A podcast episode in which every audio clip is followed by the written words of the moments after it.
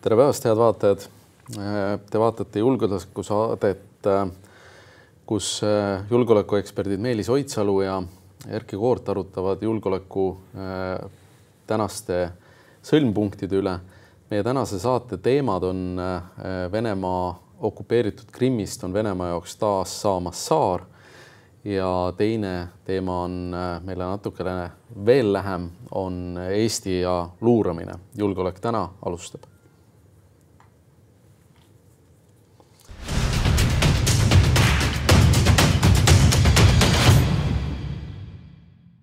Nii, aga lähme kohe Krimmi teema juurde, millest on päris palju räägitud ja väga palju ka meeme tehtud sellest, kuidas Putini legendaarne pikk laud on sisse langenud, nii nagu tema Krimmi sild, et, et seda on võrreldud ka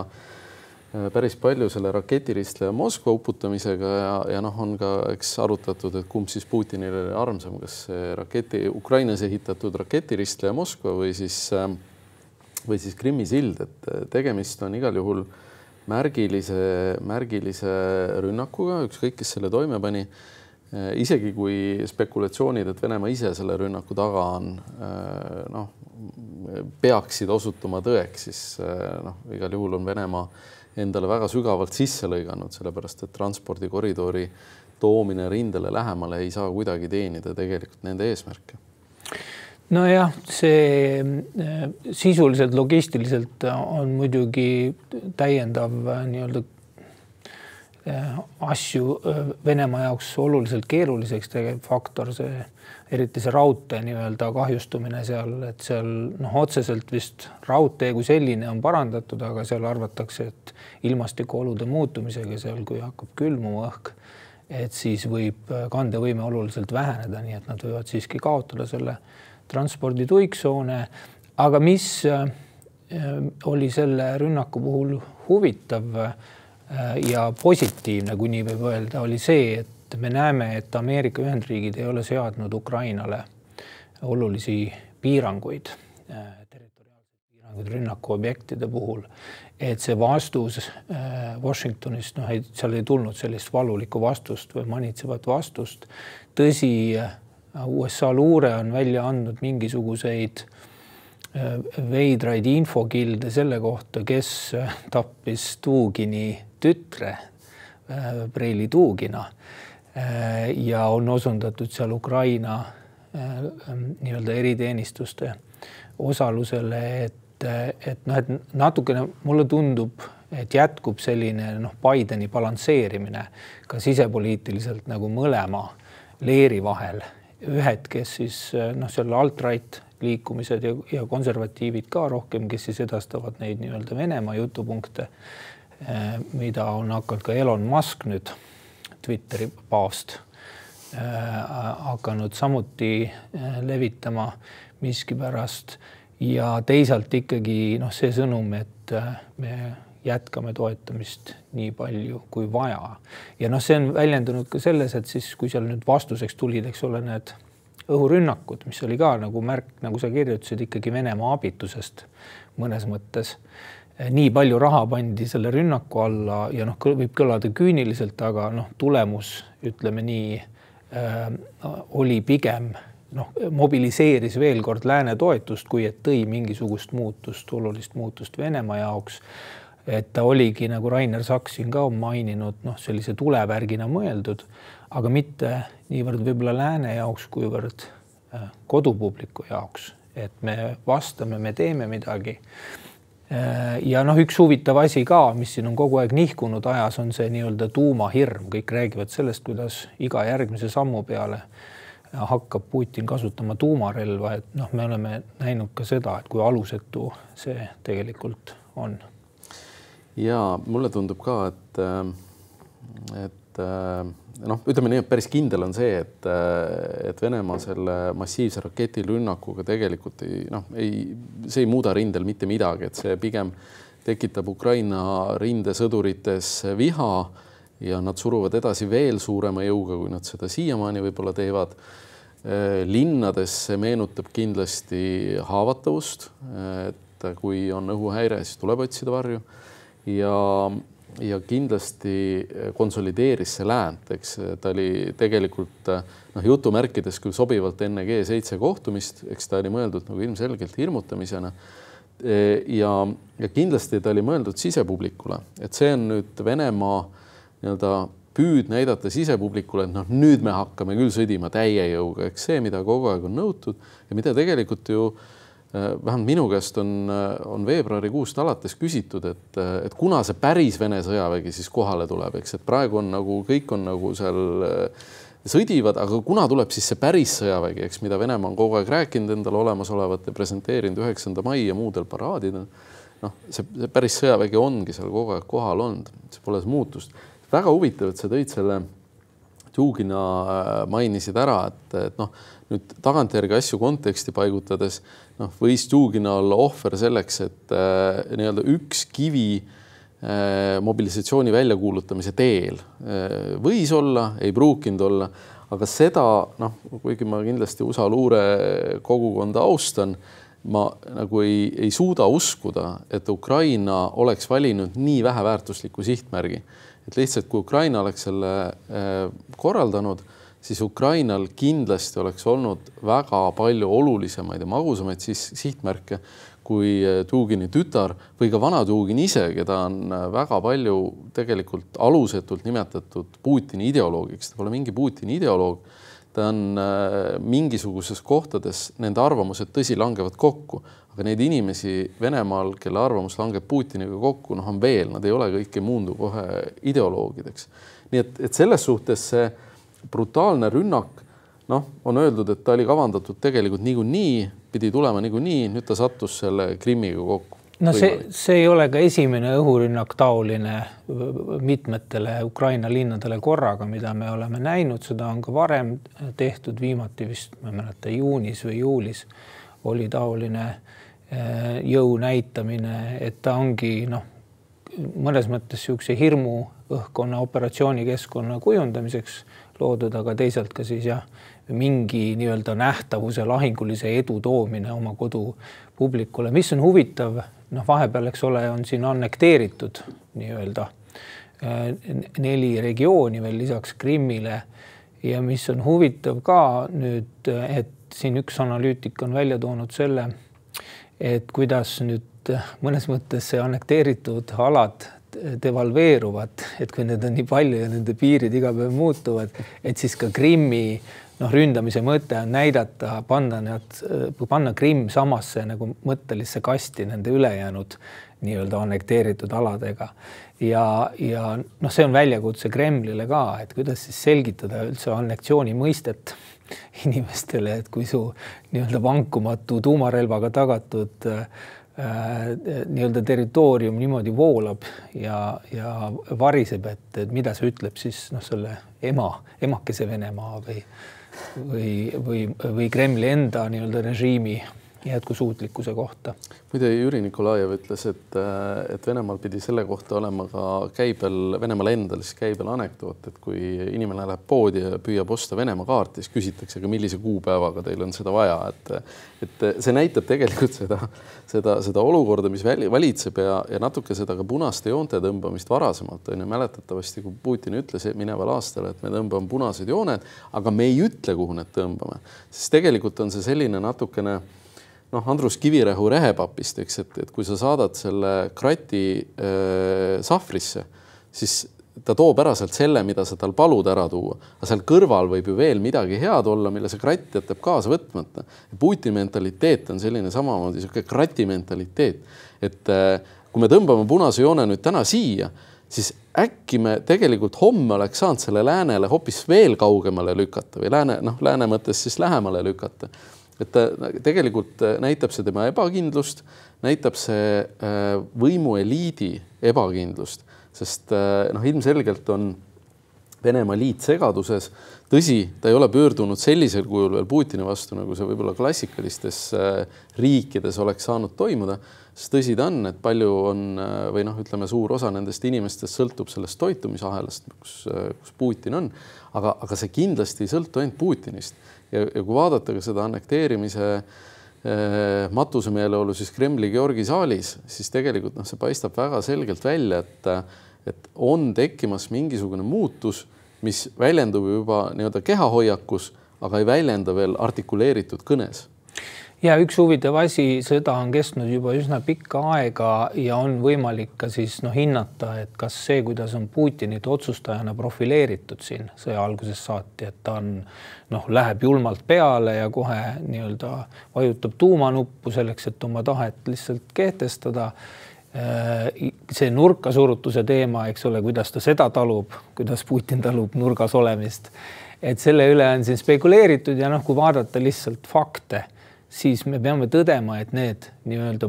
Putini profileerimised, mida on teinud noh, Joe Bideni administratsioon, aga ka mõned teised äh, Euroopas näiteks, kes on rääkinud, kuidas peab andma näopäästmisvõimaluse või muidu tuleb Armageddon. et äh,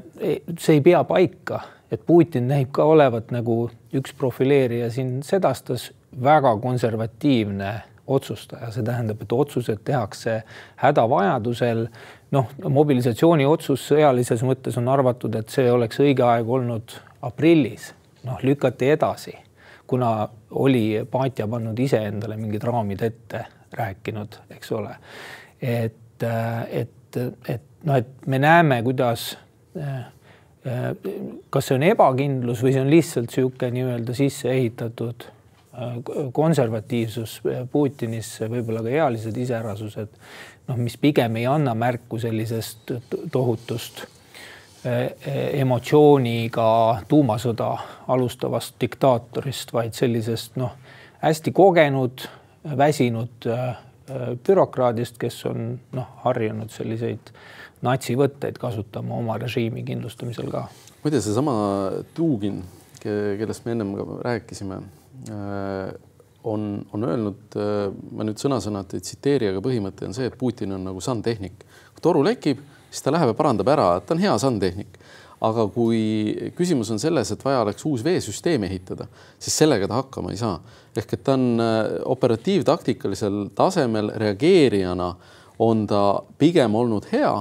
aga strateegilises plaanis on ta täielik käpard ja see ei ole mitte minu hinnang Putinile, vaid Dugini hinnang Putinile ehk et tema siis peaideoloogi. kindlasti on, on Putinil, kuna tema, tema taust on üks luuraja ja, ja operatiivtöötaja, siis noh, ütleme Vene luure eripära on ka see, et mitte ei tehta tööd ainult selle nimel, et midagi noh, konkreetset saada, vaid väga palju tehakse tööd, kuidas ma siis ütlen noh, äkki midagi ikka tuleb. Ja see äkki midagi ikka tuleb, on, tundub, et äh, drive ib ka Putini otsustamist täna, ta ei ole sellest vabanenud ja ta on jäänud nagu sellise äh, noh, natuke sinna Saksamaa KGB aegadesse oma, oma tegevusega kinni. ja üks asi, mis silma paistab, on see, äh, võib-olla ma eksin siin, aga noh, hüpotees on selline, et Putin paistab, ei paista olevat Stalin noh, Stalini vastus sellisele olukorrale, Stalin ka koges ju tohutuid näokaotusi, alates sellest, kuidas Venemaa jaoks algas Teine maailmasõda ja nii edasi. Äh, Stalini vastus oli äh, äh, repressioonid, lihtsalt kehtest-, kehtestame sellise terroriõhkkonna, et igasugune mõttegi sellest, et ma enam juhina ei kõlba, ei, ei, ei saaks kandepinda, inimesed ei julgeks seda mõeldagi mitte, sest see viib nagu otse mahalaskmise komando ette. noh, Putin on teistsugune, me näeme seda ka Vene praegu nii-öelda sisekommunikatsioonis. Ehitatakse pigem mingit infooperatsiooni, et leida siis mingid süüdlased, ma ei tea, siin hiljuti tulid mingid uudised, noh, Moskvast tulevad uudised, ei tea kunagi, kas need peab uskuma üldse, et vahistati mingisugused sõjaväelased Rosgvardia ehk siis äh, siseministeeriumi vägede poolt. Äh, noh, et kas sealt hakkab siis mingi nii-öelda protsessi ehitamine või oli see ka lihtsalt mingisugune vale? Rosgvardia muidugi on endised et... siseministeeriumi sõjaväelased, täna nad on otse Putini all ju Rosgvardia agentuurina. aitäh, näed, äh, hea, et ma ütlesin sõna hüpotees, muidu oleksin inimesed arvanud, et ma räägin tõde äkki. aga, aga ühesõnaga, et see noh, Putin ei ole Stalin ja noh, selle peale peaks ka mõtlema ja selle peale peaks mõtlema ka nii-öelda luureteenistused. et noh, et, et mis, mis, mida see, need viimased kuus kuud on tegelikult ütelnud. Ja seal peab olema valmidus võib-olla oma veebruari hinnangutest ja profileeringutest täiesti lahti ütlema, sest et noh, avalikus diskussioonis on näha, kui harali on see kogu see nii-öelda arusaamine ja debatt sellest, kuidas Kremli režiim üldse toimib. Ja teine asi on see tuumaheidutus laste läälutusi tuleb sel teemal eetrisse, noh, see ei ole tõsiseltvõetav analüüs, mida me näeme. kui on mingid analüütikud, kes noh, ma ei tea, julgeolekukaalutlustel ei avalda oma arvamust, siis ma saan sellest aru, aga ma väga veendunud ei ole, et neid seal salastatud ruumides ka on. Ma arvan, et see sinu võrdlus Putin ei ole Stalin, ma võtan korra siit kinni, et, et ma arvan jälle, et siin on taga seesama Putini operatiivtöötaja taust, et luure, vastuluure ei tohi välja paista ja tema mõtteviis on jäänud kinni sinnasamasse luure mõtteviisi. Ehk et see ei ole mitte tema otsus, vaid kuskil noh, mingisugused asjad juhtuvad, eks, et, et ta on ühelt poolt püüdnud nagu näidata ennast hästi otsustajana, aga mingisugused asjad on need, mida ta avalikult ega ka omavahel öelduna tegelikult ei julge nagu enda, enda nimega siduda. Ja need on noh, ütleme seesama klassikaline luureoperatsioon, midagi juhtub, kes tegi, ei tea kes otsustas, jääb saladuseks. noh, sama palju kui sellest arusaamine, kes on Putin ja kuidas ta otsustab, mind huvitab, kes on ikkagi Joe Biden ja kuidas tema nii-öelda see kogu see heidutusloogika on üles ehitatud. Ehm, ja ma ei saa sellest nagu päris lõpuni aru, et sealt tuleb nagu igasuguseid jälle nagu siukseid piuksusid, selgeid lauseid moodustada ei saa. mis on lääne heidutushoiak noh, me lugesime Ekspressis ka vist eile avaldati, seal refereeriti just raamatut, kus räägib, et kogu see nii-öelda tuumaennetuse ja heidutuse äh, arusaamise osas on Washingtonis kriis. noh, see on, võib, see on ka hüpotees ilmselt, keegi kuskil käis midagi rääkis, rääkis oma tajutud kriisidest võib-olla seal Washingtonis autorile, raamatu autorile. aga tervikuna noh, meil on see probleem Äh, NATO nüüd on hakanud rääkima uuesti artikkel viiest, aga noh, seoses mingisuguse energiataristu äh, asjaga, varem räägiti keemiarelv on punane joon, siis sekkutakse Ukrainas, aga see on ka olnud sporaadiline ja seal ma ei näe seal nagu mustrit ja loogikat. ja nüüd heidutuse nagu mõte on see, et tal on teatav ennustatavus et noh, et, et kui sa just ei ole Donald Trump, kes on täiesti usutavalt ennustamatu ja see Trumpi nii-öelda heidutuse hoiak mõnes mõttes oligi see, et keegi ei teadnud, kuidas ta tegelikult nagu käitub. see oligi tema muster. just, et muster. siis sa pead pakkuma ja Biden ei ole Donald Trump, noh, ta, ta tegutseb ikkagi väga kitsastes raamides, tundub. et siis sa pead pakkuma mingi noh, vääramatu siis narratiivi, mis õõnestaks kuidagi siis seda äh, ka Kremlis kogu seda sõjaplaani natukene, et nad näeksid, et kui me teeme nii, noh, siis meil iga, igal juhul läheb jamast ja praegu ma seda ei näe. praegu antakse seal ühe mingi erukindrali kaudu teada, et noh, et tuleb konventsionaalne vastus, samal ajal keegi pomiseb et tuumarünnakule tuleb Armageddon kohe vastuseks, mis ei ole eos usutav juba noh, et. no ja siin ma korra võtan kinni sellest samast taristu teemast, eks ja, ja äh, sinu mainitud NATO diskussioonist, et äh, mis selle taristu ründamise vastus saaks või, või peaks olema. noh, meil on ka siin üks LNG laev on ju, mille üle käib hästi-hästi palju vaidlust Äh, ja, ja ka kai ehitamise üle, et, et me oleme tegelikult näinud nüüd rünnakuid infrastruktuuri objektidele ju ridamisi, kahtlusi info kogumiseks äh, Põhjamere kohal, igasuguseid muid asju, et, et huvitav, kas, kas lisaks sellele, et kas laev tuleb või ei tule, on mõeldud ka selle haalamiskai äh, kuidagimoodi turvalisuse peale no see tegelikult puudutab ka muud energiataristut, ka maapealseid elektritehaseid, elektrijaamu, mida on Ukrainas äh, Lvovis ka vist rünnati nüüd või Lvivis. lasti puruks päris. lasti puruks, et, äh, et noh, et äh, Põhja-Saksamaal vist lõigati paar kaablit läbi, nii et rongiliiklus seis, seiskus. no sakslased väidetavalt ütlesid, nemad ei kahtlusta teist ma, riiki. ma ei tea aga..., palju need kaablikäärid maksavad, aga noh, suhteliselt nagu kulutõhus lähenemine, et külmade saabudes enne ei ole mõtet väga siin seda noh meie taristut rünnata, seal peab mingi efekt olema ka, et külmade saabuses, saabudes tasuks küll üle vaadata meie nii elektrijaamade kui ka muude nii-öelda eh, strateegilise infraasutuste võib-olla valve ja siuksed nii-öelda olukorrateadlikkuse mingisugused meetmed ka. absoluutselt, Eestis peab kindlasti tähelepanu pöörama infrastruktuuri kaitsele ja, ja täna võib-olla on see natuke olnud selline noh, midagi ju pole juhtunud stiilis, et aga, aga noh, nii Läänemeres on juhtunud kui väga paljudes muudes ja igal juhul me oleme sihtmärk ja see midagi ei ole juhtunud, see on ka noh, sellisem üldisem hoiak küll ka, ka kahjuks ka nagu julgeoleku kes, keskkonnas või julgeolekuringkondades, mida noh, me oleme siin varasemalt ka kritiseerinud. täna hommikul just oli raadios räägiti jooditablettidest ja Soomest. noh, et kas meil on vaja jooditablette või mitte. Et meil ei ole tuumajaamu, sellepärast jooditablette pole vaja. noh, üks küsimus, kui kaugel asub Sosnovi Bori tuumajaam, tegutseb ju endiselt, peaks ju tegutsema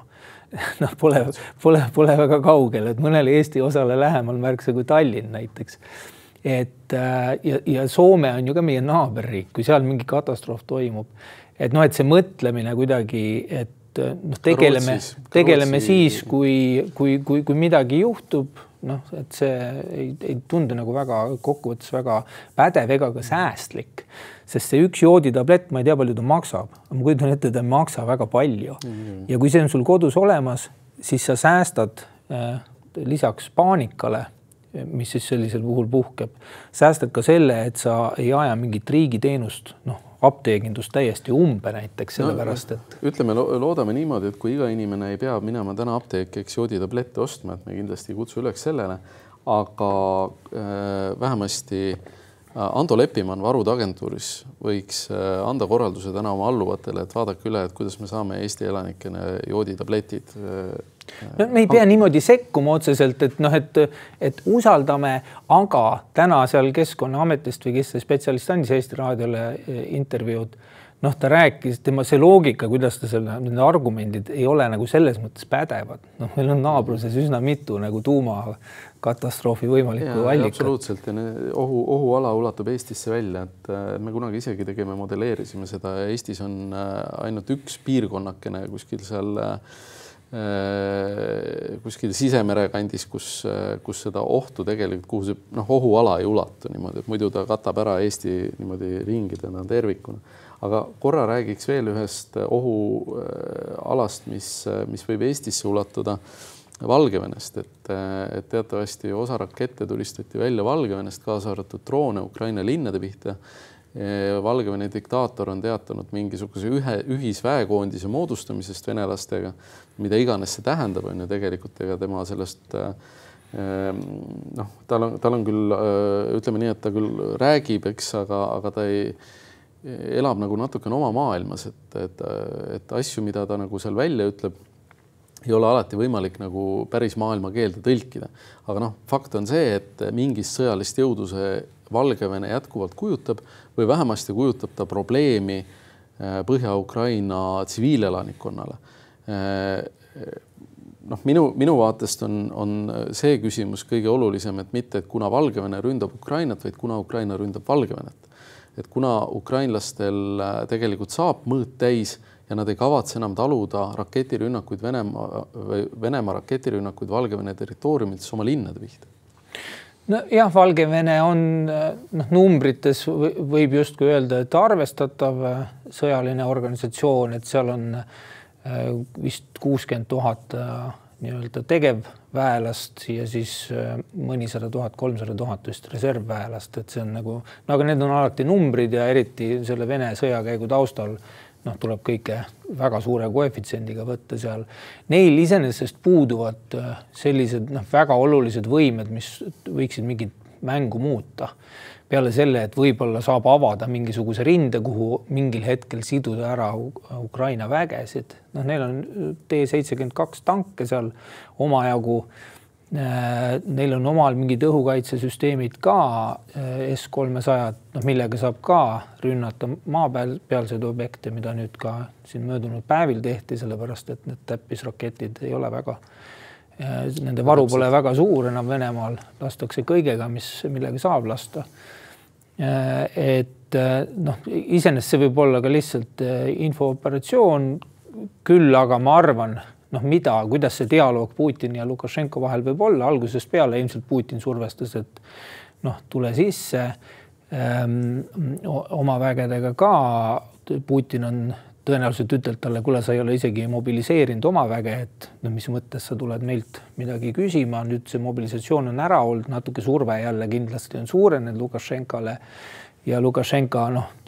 selle surve tulemusel võib-olla siis annab lihtsalt oma varustust saadab rongidega Venemaale, sellepärast et seal, aga kas seal, kas seal reaalselt mingit sõda tuleb, seal on ka see aspekt nüüd, kuna Valgevene asub ikkagi nii-öelda NATO kõhu all, äh, siis äh,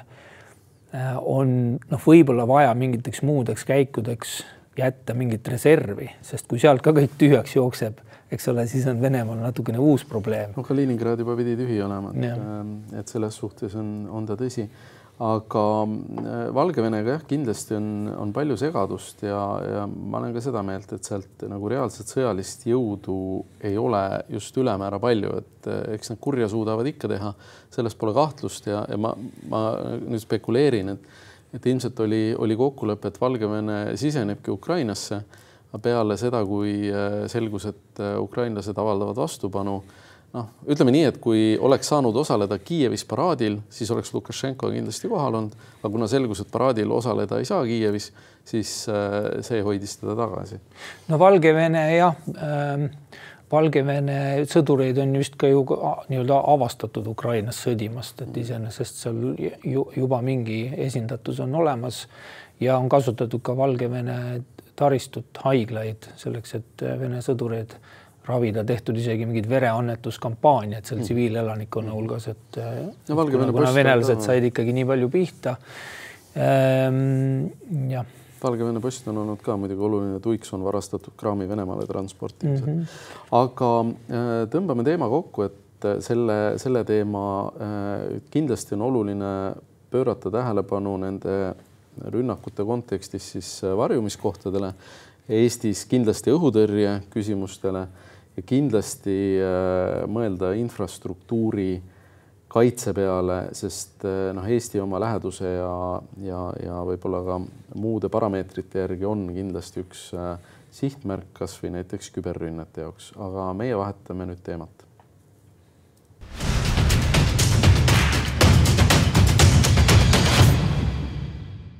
Nii ja teine tänane teema on äh, Eesti ja luuramine, et kuna see on äh, selline varjatum teema, siis sellest me nii pikalt rääkida muidugi ei saa, aga, aga me kindlasti räägime, et see äh, eelmine nädal tõi siis uudise sellest, et et Eesti Välisluureamet on saanud uue juhikandidaadi Kaupo Rosinet, kes on varasemalt juhtinud sõjaväeluuret ja, ja olnud ka NATO staabis kõrgel kohal. tegemist on noh, mõnes mõttes luurest läbi imbunud inimesega, kes seda valdkonda kindlasti tunneb. ja tegelikult üks, üks võib-olla asi, mida, mis, mis on jäänud avalikkuses tähelepanuta, aga meile loomulikult ei ole jäänud see tähelepanuta, et Eestis on kaks asutust, mis äh, luurega tegelevad, et üks on Kaitsevägi ehk Kaitseväe Luurekeskus ja teine on äh, Välisluureamet. Ja, ja mõlema etteotsa on äh, nüüd siis asunud koloneli aukraadis sõjaväelane, et et, äh, et tegelikult niisugune päris unikaalne olukord võib-olla on noh, sõja kontekstis või ütleme, meie lähedal toimuvat sõja kontekstis ongi see väga loogiline käik, aga ikkagi suhteliselt unikaalne Eesti jaoks, mis ei ole midagi, eks üllatavalt näiteks Ameerikas, kus CIA-d on juhtinud sõjaväelasi, kindraleid küll ja veel, aga Eesti mõttes see ei, ei ole olnud tavapärane siiamaani. no see valik ise oli mõnes mõttes diagnoos et äh, noh, ilmselt sõjaväelase valiku kasuks kõneles ka asjaolu, et olid teatud tõrk, tõrk, tõlke nii-öelda probleemid äh, kaitseväe ja siis äh, välisluure vahel. kaitseministeeriumi jaoks pikemas perspektiivis on ikkagi küsimus selles, et kas on mõtet pidada kaht luureasutust ühes valitsemisalas eriti kui need ju, mõlemad juhivad sõjaväelased. no seda on ka varasemalt. seda on varasemalt üritatud teha, noh jah, ja, ja minu noh, küsimus ei ole selles, palju organisatsioone on, küsimus on selles, et kas ikkagi noh, luure suudab ennast uuendada niimoodi, et ta hakkab tõesti tekitama ka mingit strateegilise ettenägemise võimet või eelhoiatuse võimet. et praegu on juhtunud kuidagi niimoodi, et äh,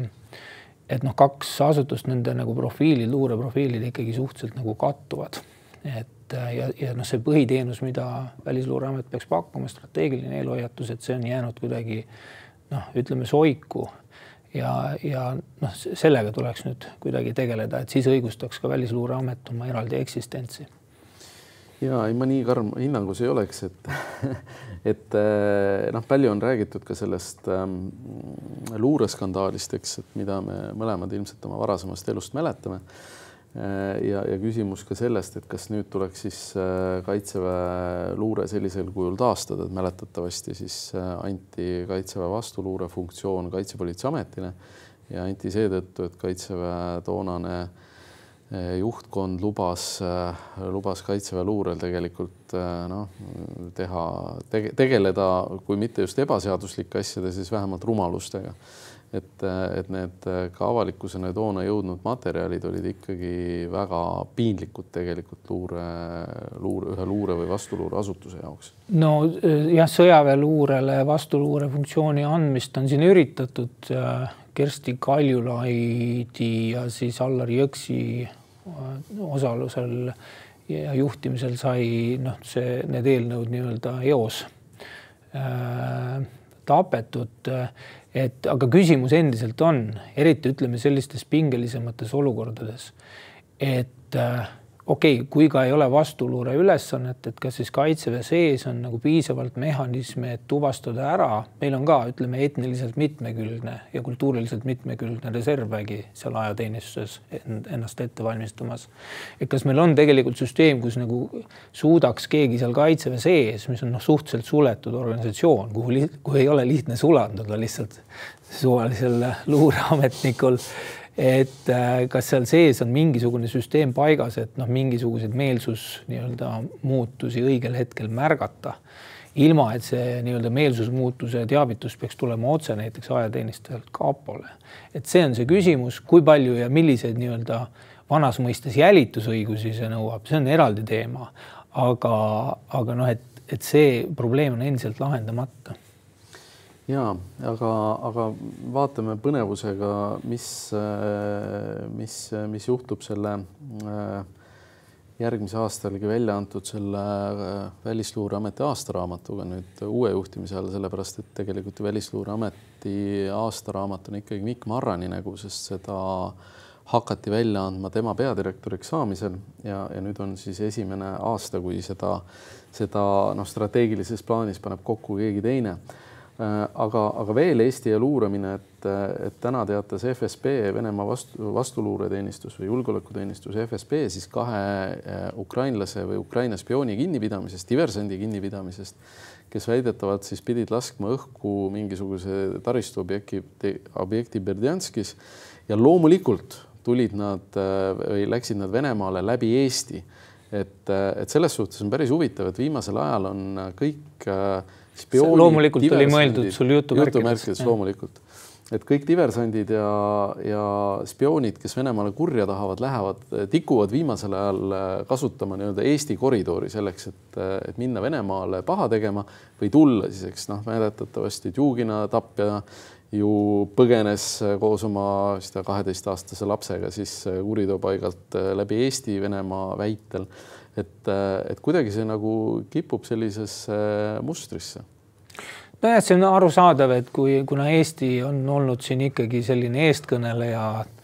ähm, ütleme Venemaale ebasoovitavate tegevuste osas, et siis äh, noh, märgistatakse ära, üritatakse meie ohutajuga mängida, ei ole välistatud, et noh, tuleb ka mingisuguseid noh, tõsisemaid surveavaldusi, me peame selleks valmis olema, aga noh, see käib selle rolliga kaasas, et kui sa oled, võtad nii-öelda kangelase rolli, siis sa pead arvestama, et sa saad ka rohkem tähelepanu sealt Sauroni silm vaatab sind natukene lähemalt. tõsi ta on ja, ja noh, eks Riigikogu arutab Venemaa enda terroristlikuks riigiks kuulutamist. Läti on seda juba teinud, Ukraina, noh, Ukraina muidugi sõdib Venemaaga, et või Venemaa sõdib Ukrainaga, tähendab et seal on see, see protsess nagu arusaadav, Läti ei ole väga palju sauna selle eest saanud.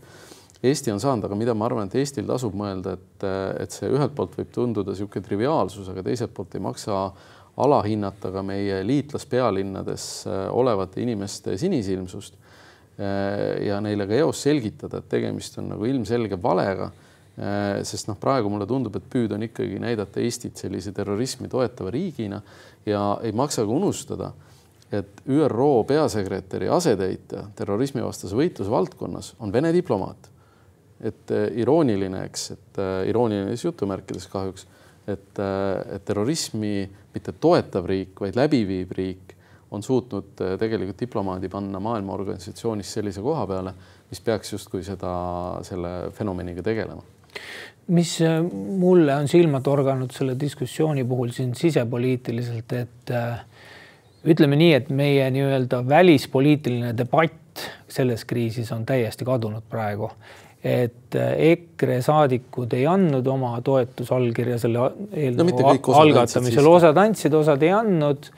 noh, ülejäänud kõik lendasid neile kallale. iseenesest see ongi noh, diplomaatilises mõttes on see ikkagi suht nagu tuumanupule vajutamine, sellise sammu tegemine, eriti kui sa ei selgita, et kuidas sealt olukorrast nagu mis tingimustel noh, välja tullakse hiljem ja normaliseeritakse olukord ja millised on selle sammu nii-öelda pikaajalised diplomaatilised tagajärjed ka Eestile, mitte noh, arvestades ainult Venemaa reaktsioone, no neid me eeldatavalt teame aga, või ennustame, aga noh, just nimelt liitlassuhetesse meie selle nii-öelda profiilile. ja, ja seda debatti võiks täitsa pidada, Marina Kaljurand siin seoses nende piiri sulgemisega, eks ole, noh, üritas seda natukene siin teha ei saanud traction'it, et noh, et üks asi on selge, et on teatud asjad, mis kriisi ajal ongi lojaalsusküsimus tõuseb nagu nii, nii kõvasti päevakorda, et osa debatti kaobki ära lihtsalt või ei saa võimalikuks enam aga kas me siis nagu poliitikas nagu õhutame seda takka, siin noh, osad Reformierakonna poliitikud, poliitikud ja teised ka, eks ole, või siis üritame ikkagi jääda noh, ka selle noh, tohutu kriisi ajal ikkagi natukenegi mingeid alternatiive äh, kuvava ja selgitava nagu debati ja dialoogi võimekuse juurde, et noh, et et natuke mind teeb see nagu murelikuks ma olen sinuga selles mõttes nõus, et, et osade debattide puhul meid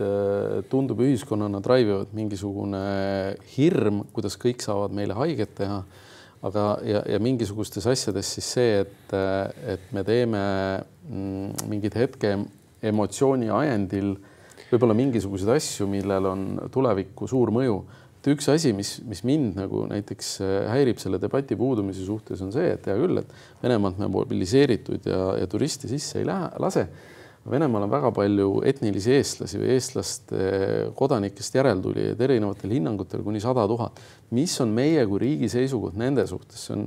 umbes kümme protsenti Eesti elanikkonnast tegelikult põhiseaduse järgi on igal eestlasel õigus asuda Eestisse, olenemata tema kodakondsusest ehk et tegelikult äh, noh, mina küsiks niimoodi, et kas meil on äh, mõnes mõttes, äh, kui siin vahepeal räägiti globaalsust, globaalsest eestlusest, kas meil on plaan kasutada seda kriisi ära inimeste juurdesaamiseks ja, ja tegelikult selle muidugi eeldused on koolivõrgu korrastamine, igasugused muud sellised juures käivad asjad, et, et hea küll, et ukrainlasi on Eestis kuuskümmend tuhat. Nad ei tule sellepärast, et nad tahavad Eestisse tulla, nad tulevad sellepärast, et äh, Putin neid ründas, eks, ja, ja tapab ja hävitab. aga, aga ikkagi me peaks mõtlema nagu ka Eesti kasusid silmas pidades, kas meil on sellest kriisist midagi välja võtta? ja, ja noh, selle emotsionaalse nii-öelda režii osas, et noh, tuleb ikkagi teadvustada, Eestis täna sõda ei ole ei ole ka noh, mingit muud laadset hübriidkriisi praegu sellises ulatuses käimas. et üldse sellist ka poliitilist sõjatantsu nagu õigustada, et me näeme nagu välispoliitika täielikku nagu instrumentaliseerimist selles kriisis, sisepoliitikas ka peksame üles sellist nagu sõjaemotsiooni, noh, mida toovad meieni ka sõjareporterid iga päev, eks ole. et seal noh juubeldused äh, vahelduvad halvustamistega, mida on ka vaja selleks, et inimesed oleks noh, kuidagi tunneks ennast agentsena, et näed, meie pingutusest ja meie kartusest on kasu midagi. aga tervikuna, mida meil on vaja noh, vaadata riigina, on see, et kas me jäämegi nüüd selle nagu sõja teema ümber siin tantsima, kaasa arvatud nagu kaitse rahastamine, mina väidan, et nüüd kõik olulisemad nagu otsused on tehtud et kui suudetakse tagada ka mingi noh, nende uute võimete, mis võtavad ka ülalpidamiskulu äh, nii-öelda püsikulude jaoks mingisugune natukene senisest suurem rahastus on hästi, aga tervikuna noh, järgmiste valimiste teema ei tohiks olla see, kus me oleme aasta pärast, vaid kus me oleme kümne aasta pärast, palju meil on siis ebavõrdsus suurenenud, kas me oma skp lisaväärtust oleme suutnud kasvatada või mitte. sest et sealt äh, sõltub siis selle nagu tuleviku Eesti valmidus võib-olla selleks ajaks, mis meie jaoks enam ei ole nii meeldiv. ikkagi noh, me ikkagi kuidagi loodame, et selle talve taga on mingi lõputu nagu lõputu rahupäev, et mm -hmm. siis mhm. nagu midagi ei juhtu enam äh, järgmine kümnend, hakkab juhtuma väga ennustamatuid ja veidraid asju tõenäoliselt. ja ma olen nõus, et, äh, et tõmbame saate kokku, et ma arvan, et see soovitus, et mõelda mõelda mitte järgmise aastal valimiste üheaastases äh, võtmes ehk mida pakkuda kaks tuhat kakskümmend kolm, vaid mida äh, või kus me oleme riigina viie-kümne aasta pärast, on, on väga hea soovitus, seda nii julgeoleku kui, äh, kui ühiskonna kui terviku mõttes. aga suur tänu vaatamast ja turvalist päeva